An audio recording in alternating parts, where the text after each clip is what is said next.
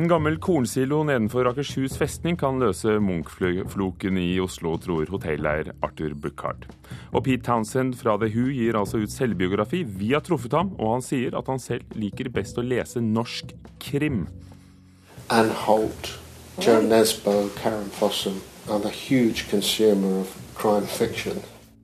Ubekvem, voldelig, og humanistisk, sier vår anmelder om ukens koreanske premierefilm. Den er laget av landets mest anerkjente regissør, og vant prisen på filmfestival i Venezia. Alt dette hører du om i Kulturnytt i Nyhetsmorgen her i P2 Alltid nyheter. Det blir ingen avklaring i år på hvor et nytt Munch-museum skal ligge. Oslo-politikerne rekker ikke å fremme saken før jul, og flere politikere hadde hatt som mål at saken skulle fremmes på Edvard Munchs fødselsdag 12.12., en dato som også er startskuddet for Munch-jubileet, som skal feires i hele 2013. Og kulturkommentator Agnes Moxnes, hvorfor blir det utsatt? Det lå vel egentlig, har vel ligget i kortene lenge, rett og slett, fordi at det ikke eksisterer noen flertallsløsninger i det hele tatt. Det er en stillingskrig i Oslo kommune, og den har vart lenge. Det har ikke vært noen bevegelser i det hele tatt. Det eneste som har rørt på seg i løpet av dette siste året, er den ene representanten for partiet De Grønne, som i sommer sa at han var mer opptatt av å gå for en løsning enn av å bestemme seg for hvor museet skulle ligge. Det er nå tre år siden vinneren av arkitektkonkurransen for det nye Munch-museet i Bjørvika i Oslo ble kåret. Lambda, dette bygget med Knekken. En talskvinne for Munch-arvingene, Elisabeth Munch-Ellingsen, kaller denne utsettelsen en skam i Dagbladet i dag. Flere politikere har sagt det er flaut om de ikke får vedtatt et nytt museum i år. Hva vil du si? Det er vel politisk udugelighet. Politikk skal jo være det muliges kunst, men den kunsten blir ikke utøvd i rådhuset i Oslo for tiden. 150-årsjubileum for Munchs fødsel neste år. Startskuddet går altså 12.12., den dagen de sa, trodde, mange ville vedta et nytt museum. Hva betyr det for feiringen av et jubileum? Det er klart at det er uheldig, fordi at det blir så veldig mye neg negative oppslag om Edvard Munch. Men på den annen side, vi vet ennå ikke hva dette Munch-året kommer til å inneholde. Programmet blir lagt frem nå i desember. Vi vet at tidenes største Munch-utstilling skal arrangeres eller vises på Munch-museet og på Nasjonalgalleriet. Så får vi se. Det har jo vist seg de siste årene at Munch-museet sliter voldsomt med å få publikum opp til sine lokaler. Men tiden får vise, vi får gi Munch-året alle sjanser. Og midt i Oslo-politikernes krangling om hvor et nytt Munch-museum skal ligge, kommer det et helt nytt forslag på banen. Det er hotelleier Arthur Buchardt som vil løse floken med den gamle kornsiloen som ligger på Vippetangen nedenfor Akershus festning, noe også Riksantikvaren er positiv til. Buchardt mener politikerne nå bør undersøke det han kaller byens beste beliggenhet.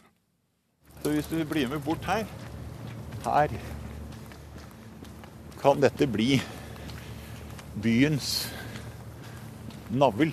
I trist novemberregn og med en danskebåt som hviler av seg bakrusen rett ved siden av, er det litt vanskelig å tro ham, men Arthur Bucharts begeistring for den store gule kornsiloen skinner gjennom. Alle sånne siloer, det er prinsippet høye tønner. Men som du ser arkitekturen her, dette er funkisarkitektur fra 20-30-tallet, som har sin historie.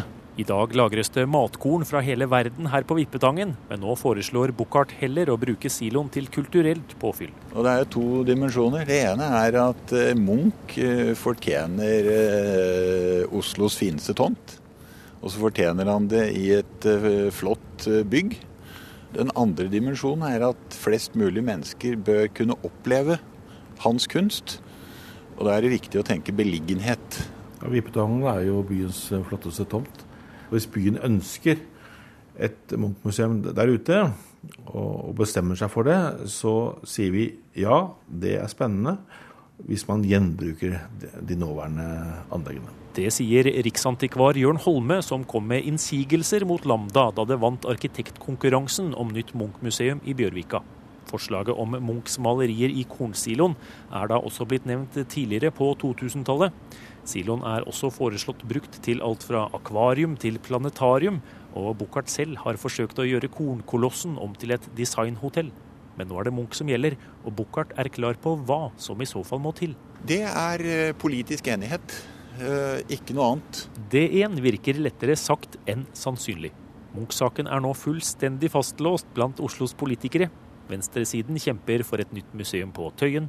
Frp vil ha Munch inn i Nasjonalgalleriet, og Lambda mangler politisk flertall, konstaterer kulturbyråd Halstein Bjerke. Nå har vi prøvd med fem-seks nye alternativer dette året. Det har ikke brakt oss uh, så mye nærmere. Jeg sier ikke det er dødfødt, men jeg sier at i utgangspunktet trenger vi ikke flere alternativer. Uh, vi trenger å ta stilling til et av de alternativene vi har. Skal det komme opp nye alternativer nå, så, så må det vise seg å kunne både realiseres raskere, være museumsfaglig godt nok og, og ha en akseptabel pris. Uenigheten om nytt Munch-museum er så stor at det denne uka ble full stopp i budsjettforhandlingene mellom Frp og byrådet. Det begynner å haste. Vi har et begrensa tidsvindu. Der ligger da Ekebergåsen. Ja, ikke sant, ikke sant? Der sto Munch og malte Skrik.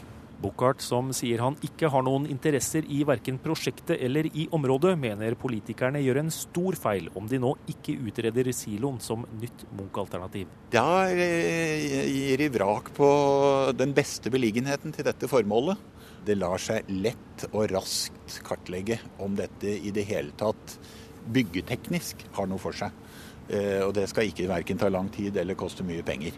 Siloen må selvsagt tilfredsstille alle kravene som stilles til et nytt museum, understreker Buchardt. Og eh, hvis da politikerne bare hadde kunnet enes om eh, en felles løsning på en felles problem, og hvis noen mener, flere enn meg, at dette er den optimale beliggenheten, og det er det, så burde man bare lande.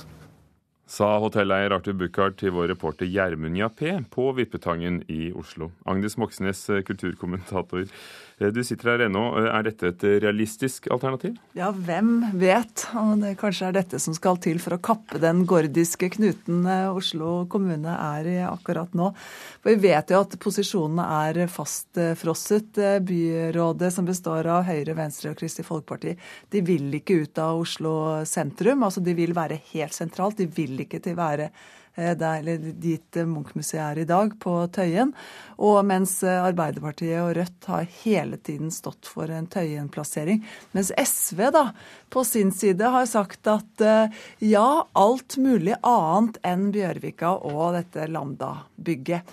Så ja, kanskje dette her er liksom det alternativet som får alle brikkene til å falle på plass, skjønt jeg er litt usikker. Buchardt sier han ikke har noen egeninteresse i saken. Hvorfor tror du han kaster seg inn på banen? Han har jo sikla på denne tomta før. Han ville bygge hotell der, det fikk han ikke lov til. Han har jo rett i at det er en av Oslos absolutt eh, fineste tomter. Den ligger på spissen nedenfor Akershus festning, helt rett ut mot Oslofjorden.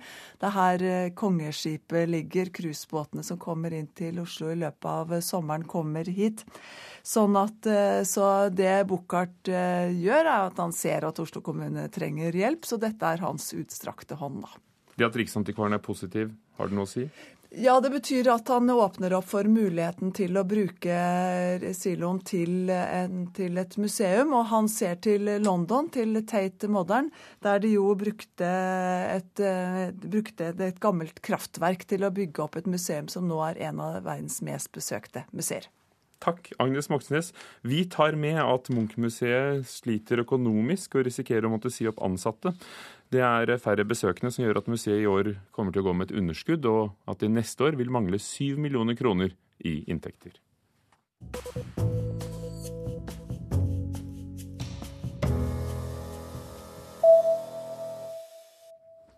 Stadig flere annonsører reklamerer på Facebook-brukernes egen nyhetsstrøm.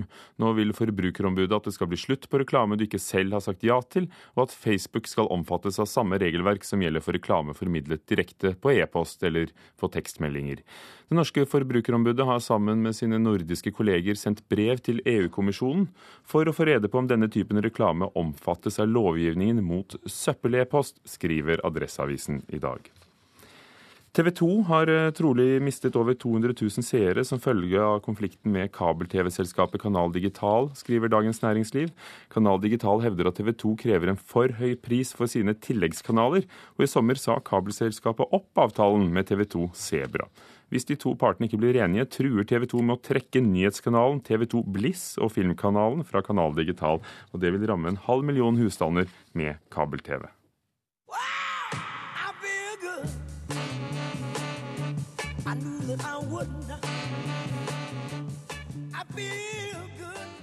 James Browns innspilling fra 1965, singelen I Got You, har fått plass på Grammy-akademiets Hall of Fame-liste.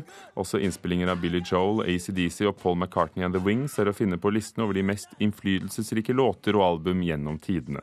Listen, som inneholder nesten 1000 album og singler med historisk og kulturell betydning, som Grammy-akademiet sier, har i neste år vært laget i 40 år.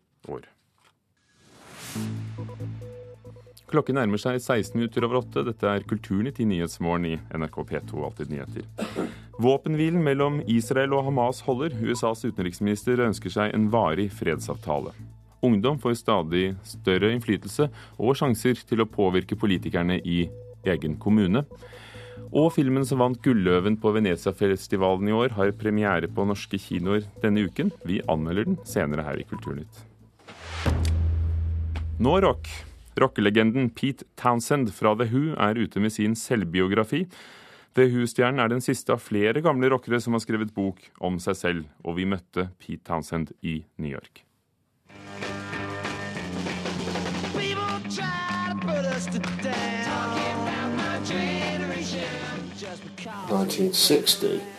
rock and roll came along, and everything changed. Rocken forandret alt, sier Pete Townsend, grunnleggeren og låtskriveren i The Who, et av 60- og 70-tallets mest innflytelsesrike rockeband. Nå er mannen bak låter som My Generation, Won't Get Fooled Again og Who Are You ute med en selvbiografi.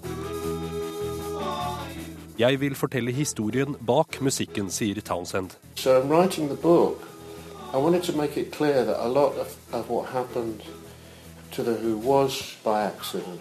And it was luck, not so much of well, you were lucky, but a positioning, timing.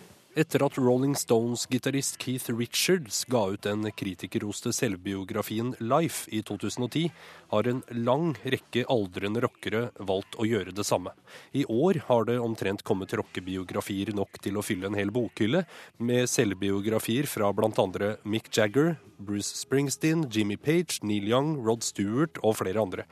Det er to grunner til det, mener Townsend. It will be to do with the age. It will be to do with publishing companies paying millions of dollars. It's just about money. Rod Stewart would, would only write a book if he was got, got a lot of money. Neil Young would probably write a book for nothing, I don't know. Townsend har altså ikke lest noen av rockekollegenes bøker. Han foretrekker nemlig norsk krimlitteratur. I've been reading Anne Holt, Joe Nesbo, Karen Fossum. I'm a huge consumer of crime fiction. What's the one that was just made into a movie? Because that's an amazing. Headhunter? Yeah, that's Yeah. an amazingly tangled plot. And in the end, you just think, oh fuck, he must have really screwed himself up writing that plot.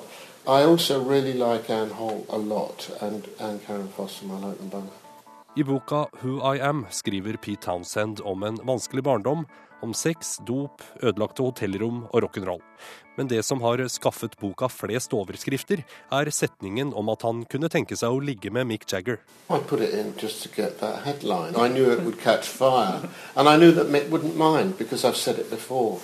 And in any case, between us, we really are very, very trusting. You know, for example, I wouldn't have ever said it about Justin Bieber. You know, I was a young boy, and like so many of the mods around at the time, you know, it had occurred to me that it might be interesting to have sex with a man. We did what we could do, and one of the things that we did is we, if we weren't gay, we might pretend to be gay. For første gang på fire år er Townsend nå ute på turné med rockeoperaen Quadrophenia fra 1973, sammen med det andre gjenlevende The Who-medlemmet, vokalist Roger Daltrey. Men det er gørr kjedelig å stå på scenen igjen, sier Townsend. Not really what I want to do for a living, but I'm good at it. So I always have to work really hard to pretend to enjoy it. Although it is work and I get paid for it and I know who the audience are, uh, I don't have quite as much respect for them as perhaps I should.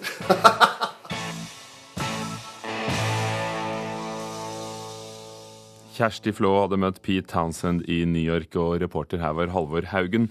Arild Rønsen, redaktør i musikkmagasinet Puls. Du anmelder boken i julenummeret som er ute om noen dager på gaten. Eh, hva får du ut av Pete Townsends bok?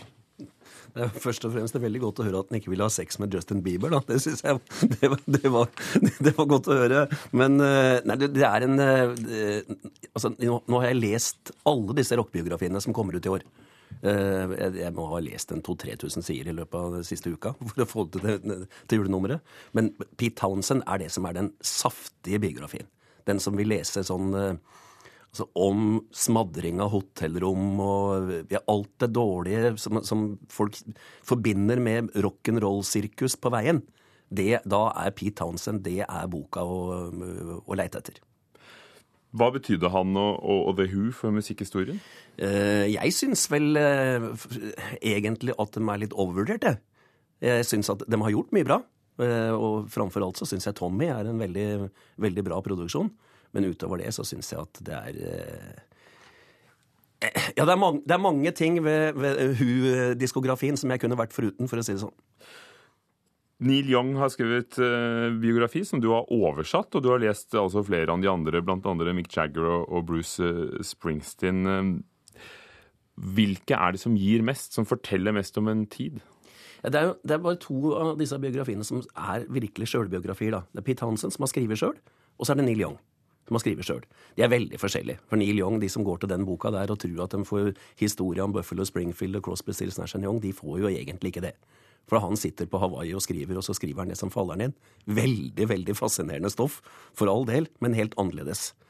Uh, den, altså, den, som kanskje er best sånn litt som en Hvis du skal anmelde det ut fra litteraturhensyn, altså god skjønnlitteratur, så vil jeg jo nesten framheve Philip Normans eh, biografi om Mick Jagger. Er virkelig, Han er jo litteraturprofessor og har virkelig gått grundig til verket og skrevet 650 sider om Mick Jagger. Og ikke Han har omtrent ikke snakka med Mick Jagger, tror jeg. For Mick Jagger vil jo ikke det. Og det er mystisk, for det Mick Jagger, alle skjønner jo det at det måtte bli altså, verdens største millionselger av bok hvis Mick Jagger plutselig fant ut at han ville skrive sjølbiografi. Men den er, eh, Mick Jagger-biografien til Philip Norman er veldig veldig bra. Men for deg, Ari Rønsen, som har fulgt med i musikken eh, i mange tiår, eh, hva mer får du greie på etter å ha lest alle disse tusenvis av sidene? Du får jo bekrefta alle de tinga som du tror at har drevet med. da. For Men Kan det være at de faktisk også gjerne vil gjøre opp under disse mytene? Ja, det kan jo hende, og det veit jo aldri Philip Norman i, i Mick Jagger-biografien. Han skriver jo for eksempel, han henviser til Keith Richards' biografi som kom for to år siden, og sier at der er det masse som han, Keith rett og slett bare har funnet på. Men kan, det, hvem kan vite det? Eh, men, men jeg syns jo det er det, det, er jo tross alt de aller største av disse artistene som nå kommer med, med mer eller mindre altså selvbiografi, eller det handler i hvert fall om dem. Så er det jo sånn, De har jo vært ledestjerner for en hel generasjon. For min generasjon. De har jo egentlig forma livene våre. Og det er klart det er interessant å lese om. Hvorfor kommer det så mange akkurat denne høsten tror du? Har du noen teori? Jeg tror vel egentlig det er mer eller mindre tilfeldig, men det er klart at Keith Richards biografi som kom for to år siden, og som har bare i Norge tror jeg har solgt bortimot 50 000, er jo helt vanvittig. Hva han har solgt på Altså, dette er virkelig pengemaskiner.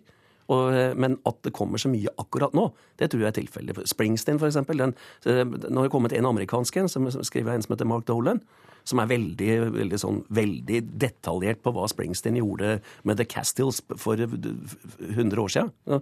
Mens, kommet, mens, Hans Olav Tyvold har skrevet en helt norsk versjon. Av, som, den går ikke an å selge noe annet sted enn i Norge, men den er veldig veldig bra sett med norske øyne om Springsteen. Så det er veldig, veldig stor, stort spenn da, mellom alle disse bøkene. Vi hørte om den i Kulturnytt for en ukes tid siden. Hank von Helvete har også skrevet eh, Er det stor forskjell på den rockeverdenen de store, gamle gutta beskriver, og, og dagens rockemiljø? Det er, vel, det er i hvert fall ikke veldig stor forskjell mellom miljøet til, eh, til, Brian Jones i eh, The Rolling Stones og hva Hank von Helvete opplevde i Turboneger. Det er ikke veldig stor forskjell. Pete Hansen sa at han uh, trodde Rod Stewart skrev bare for penger. Neil Young ville skrevet uansett.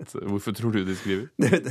jeg, jeg, jeg, er villig til å skrive under på den påstanden når som helst. Jeg. Selv om jeg ikke jeg har, jeg har altså ikke intervjua noen av dem. Jeg skulle gjerne gjort det. Men mitt inntrykk av dem er jo at Rod Stewart han, er, han setter seg ned og så sier ok, er det noe penger i dette, så får vi gi ut ei bok.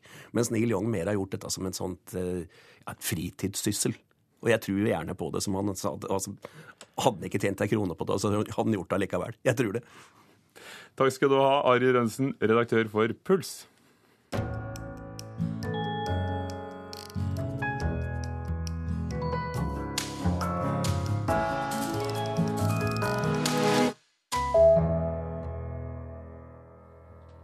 Fra og med i morgen kan vi se Kim Ki-duks film nummer 18 på norske kinoer, 'Pieta' og den var årets vinner av Gulløven på Venezia-festivalen.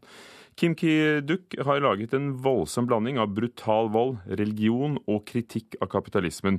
Og noen av filmene hans er vist i Norge tidligere. Det mest kjente av dem er Vår, sommer, høst, vinter og vår igjen, og Tomme hus. Men nå har vår kritiker Einar Gullvåg Staalesen sett Pieta. Koreaneren Kim Ki-duk er en av filmens gode humanister. Han lager noen av de vakreste og noen av de styggeste filmene. Pieta er stygg. Pieta er kritikk av kapitalismen. De mest sårbare rammes av andres grådighet og undertrykkelse. Kim Kiduk sier selv jeg vil diskutere hvordan penger og suksess kan skape hatrelasjoner mellom mennesker. I denne filmen viser han det i storbyens laveste sosiale sjikt. Den grådige samler til seg smulene. Stumperen vegeterer på stakkaren. 강도야. 씨발년아 내 이름 부르지만 아무도 없어.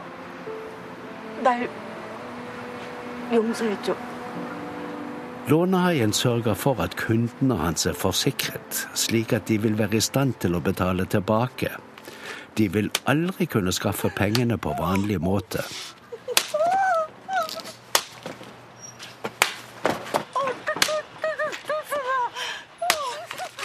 Sex kan være delbetaling, men det er ikke nok. Han som låner ut penger er hushai også, og leieboernes små virksomheter gir ikke inntekter som overgår husleie og mat uken ut. Forsikringen dekker. Den gir en utbetaling på 30 000 for en tapt hånd, 60 000 hvis begge kuttes helt av. Livsvarig uførhet er gunstig. Død er komplisert forsikringsmessig. Utlåneren hjelper med forsikringsgrunnlaget. Fallulykker er vanlig. Fallet må være så høyt at man blir ufør, og ikke så høyt at man mister livet.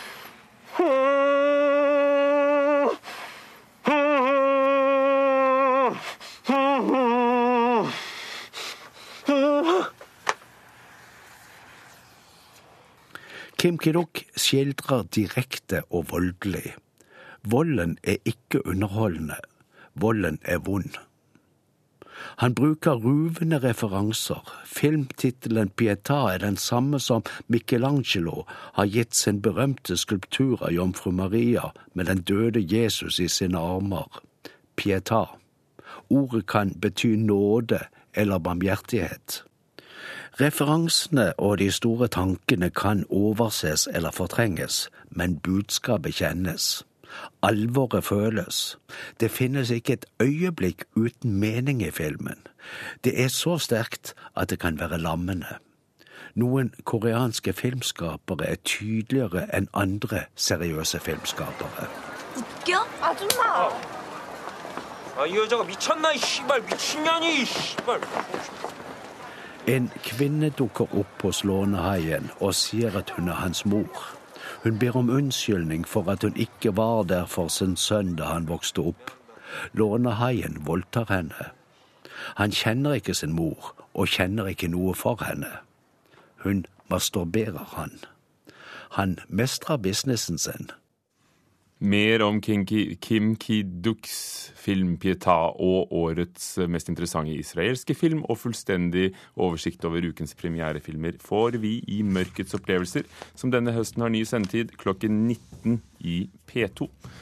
I Kulturnytt i dag har vi hørt at Oslo ikke får bestemt seg for nytt Munch-museum i år, og et nytt privat forslag vil lage museum på kaia i Oslo. Hilde Tosterud, Andrea Kvam Hagen og Uge Fermariello var ansvarlige.